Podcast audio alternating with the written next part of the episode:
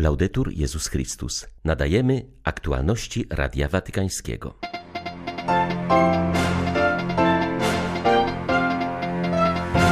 Ideologia rosyjskiego świata, która nie uznaje praw człowieka wobec narodu ukraińskiego, to baza dla ludobójstwa, przestrzega arcybiskup Światosław Szewczuk w 174. dniu wojny na Ukrainie. Rok po powrocie talibów Afganistan pogrążył się w nędzy i prześladowaniach. Działania humanitarne napotykają na ogromny opór. Obecność wartości chrześcijańskich jest charakterystyczna dla całej europejskiej przestrzeni kulturowej i nie wolno o tym zapominać, mówił prezydent Łotwy podczas maryjnych uroczystości w Narodowym Sanktuarium tego kraju. 16 sierpnia witają Państwa Beata Zajączkowska i ksiądz Krzysztof Ołdakowski. Zapraszamy na serwis informacyjny. Swoim codziennym orędziu arcybiskup Światosław Szewczuk mówił o prawach człowieka. Podkreślił, że najważniejszym z nich jest prawo do życia, z którego wypływają inne. Fundamentalne jest też prawo do wolności religijnej. Zwierzchnik ukraińskich grekokatolików zauważył, że umysłami wielu młodych ludzi zawładnęła dziś promowana przez Kreml ideologia rosyjskiego świata, która nie uznaje praw człowieka wobec narodu ukraińskiego i ma cechy ludobójstwa. To indoktrynacja w stylu Związku Sowieckiego. Nikt nie ma do tego prawa, powiedział arcybiskup Szewczuk. We współczesnym świecie fundamentalne prawa człowieka są często łamane, powstają za to sztuczne prawa, które swoich źródeł nie mają w prawie naturalnym, ale w ideologiach stworzonych przez człowieka, które czasami są wręcz oderwane od rzeczywistości. W imię rzekomej wolności dopuszczają one aborcję i eutanazję, zaprzeczające przecież fundamentalnemu prawu do życia. Powstają też ideologie, które zaprzeczają prawu do życia całych narodów. Jedną z nich jest utopia rosyjskiego świata, która w wersji promowanej obecnie przez Kreml staje się bazą dla ludobójstwa. Dlatego należy nauczyć się rozróżniać między prawami naturalnymi a falsyfikatami, które swoje korzenie mają w niszczących ideologiach.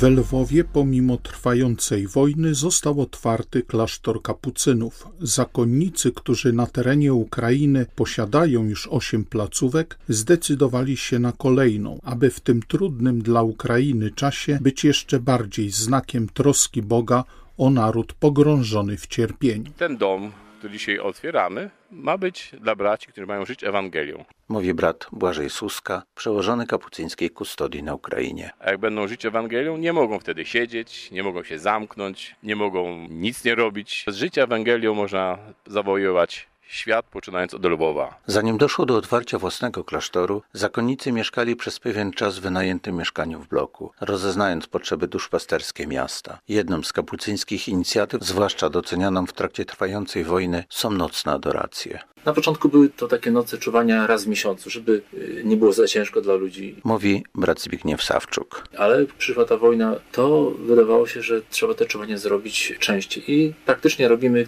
każdego tygodnia. Podczas ceremonii poświęcenia lwowskiego klasztoru, której przewodniczył biskup pomocniczy archidiecezji lwowskiej Edward Kawa, wiele osób podkreśliło fakt, iż zakonnicy, także ci pochodzenia polskiego, zamiast uciekać z Ukrainy, otwierają nową placówkę. Z Lwowa dla Radia Watykańskiego ksiądz Mariusz Krawiec, Paulista. Caritas Włoch organizuje wakacje dla dzieci wojny z Ukrainy. Obozy odbywają się m.in. w Lombardii i Toskanii. Oderwanie się od wojennej traumy i powrót do normalnego życia jest dla tych dzieci bardzo ważny, mówi ksiądz Władysław Gryniewicz, kierujący ukraińską Caritas.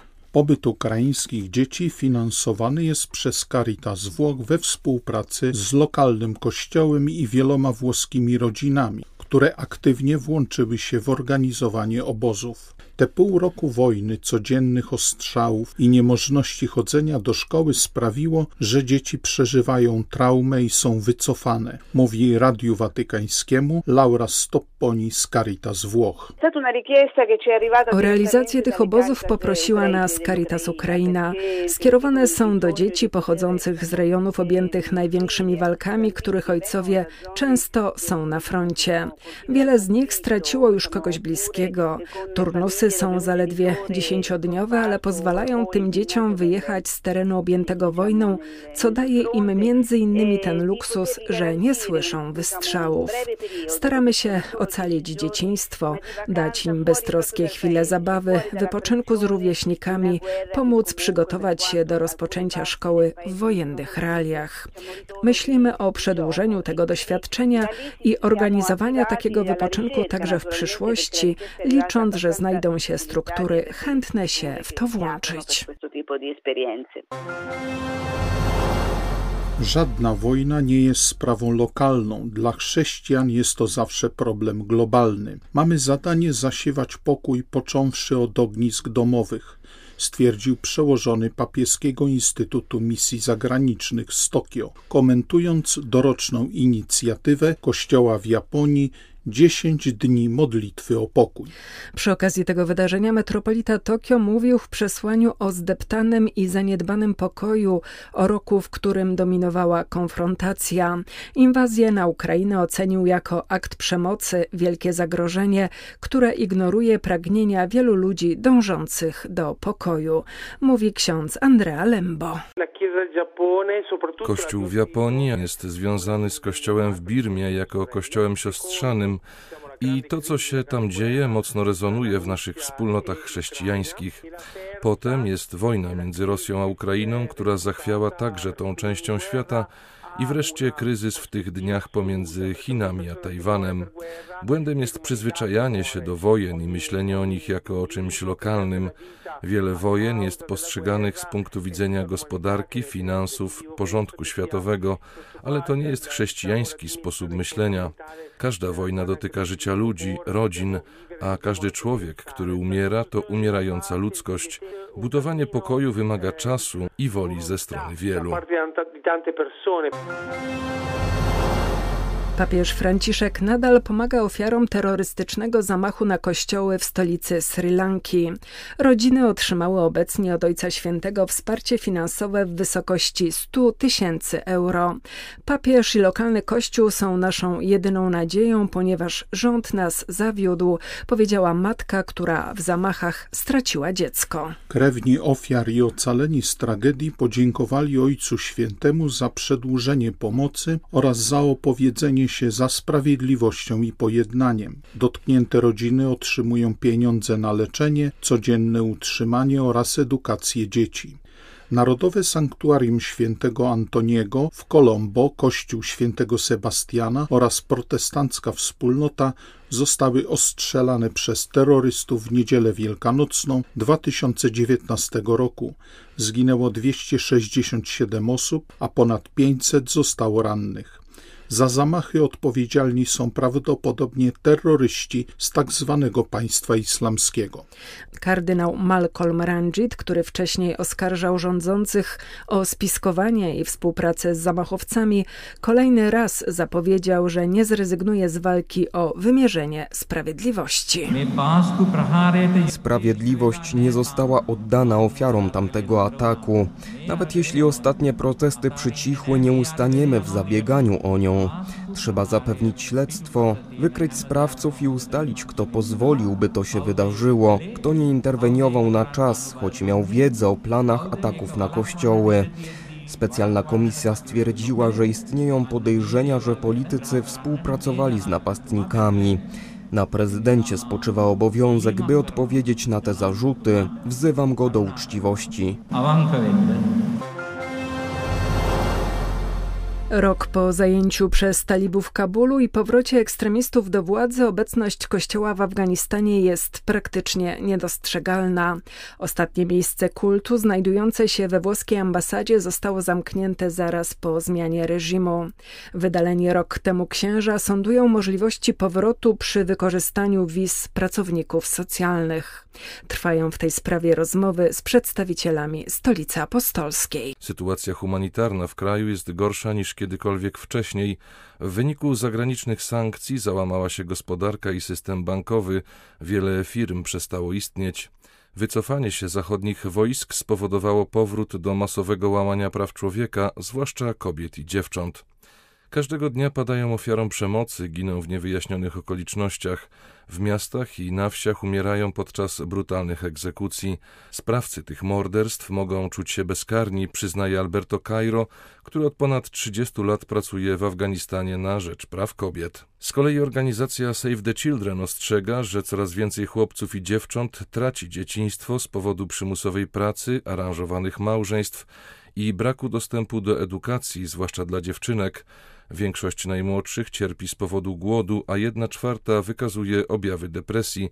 Do kraju napływa pomoc międzynarodowa, ale stanowi ona zaledwie krople w morzu potrzeb. 20 milionom ludzi, a więc połowie populacji brakuje jedzenia.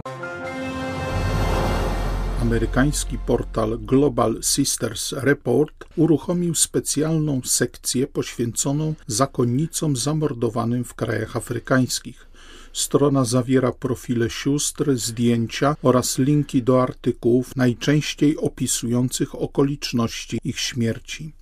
To sposób na uhonorowanie tych dzielnych kobiet, których heroizm jak dotąd nie został dostrzeżony i należycie upamiętniony, wyjaśnia autor projektu Weilif Undo. Dziennikarz pracował nad projektem ponad rok.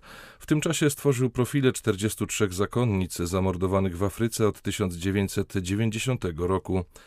Jak przyznał, historie męczeństwa sióstr z mniejszych zgromadzeń i biedniejszych krajów często pozostają nieznane. Tymczasem ich poświęcenie nie jest mniejsze niż sióstr z USA czy Wielkiej Brytanii.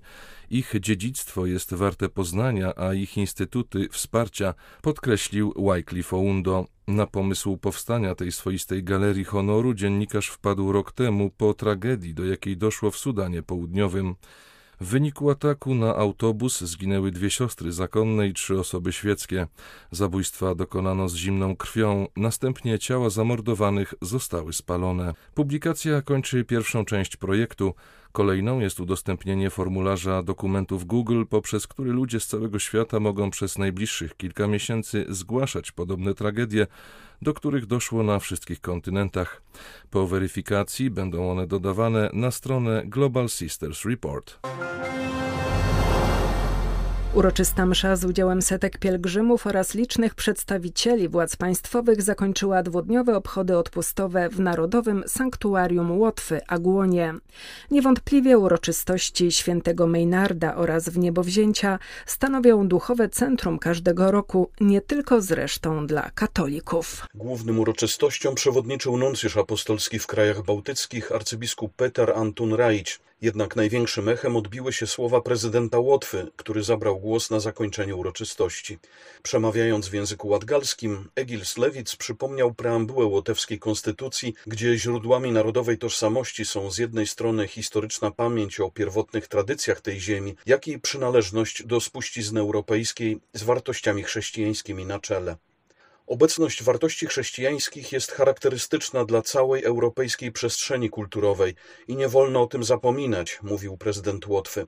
Przypomniał, że również dzisiaj chrześcijańskie dziedzictwo jest cenne dla współczesnego, demokratycznego państwa. Oznacza to, że Kościół i państwo powinny być od siebie niezależne, choć nie powinny być na siebie nawzajem zamknięte. Prezydent Łotwy zaapelował też o solidarność z narodem ukraińskim jako ofiarą nieuzasadnionej napaści ze strony Rosji podkreślając moralną odpowiedzialność również tych, którzy duchowo wspierają agresorów. Z Rygi dla Radia Watykańskiego ksiądz Tadeusz Cieślak, jezuita. Były to aktualności Radia Watykańskiego. Laudetur Jezus Chrystus.